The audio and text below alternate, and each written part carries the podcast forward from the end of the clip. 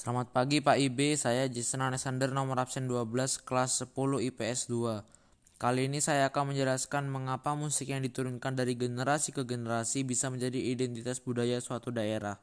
Jadi, jawaban saya mengenai soal tersebut bahwa musik yang diturunkan dari generasi ke generasi bisa menjadi identitas budaya suatu daerah dikarenakan musik tradisional merupakan alat pengiring bunyi-bunyian atau lagu yang sering dipakai saat upacara adat. Musik tradisional berkaitan erat dengan kebudayaan masyarakat di daerah tertentu.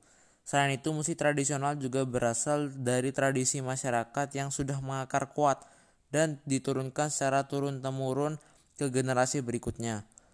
Musik tradisional dapat menjadi identitas budaya suatu daerah karena disusun berdasarkan musik tradisional dan disusun berdasarkan gaya, tradisi, serta bahasa yang sesuai dengan daerahnya sehingga tidak sulit untuk dikenali karena sifatnya yang khas. Musik ini lahir dan berkembang dari kebudayaan suatu daerah.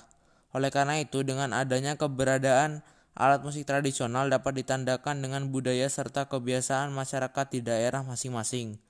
Musik yang diturunkan dari generasi ke generasi akan semakin berkembang seiring berjalannya waktu karena kebudayaan daerah setiap generasi juga semakin berkembang.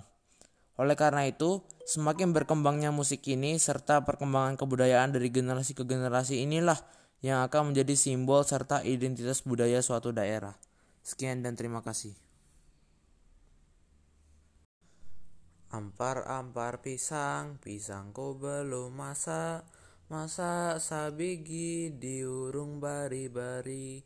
Masa sabigi diurung bari-bari mangga lepak mangga lepok Patah kayu bengkok, bengkok dimakan api, apinya celancurupan.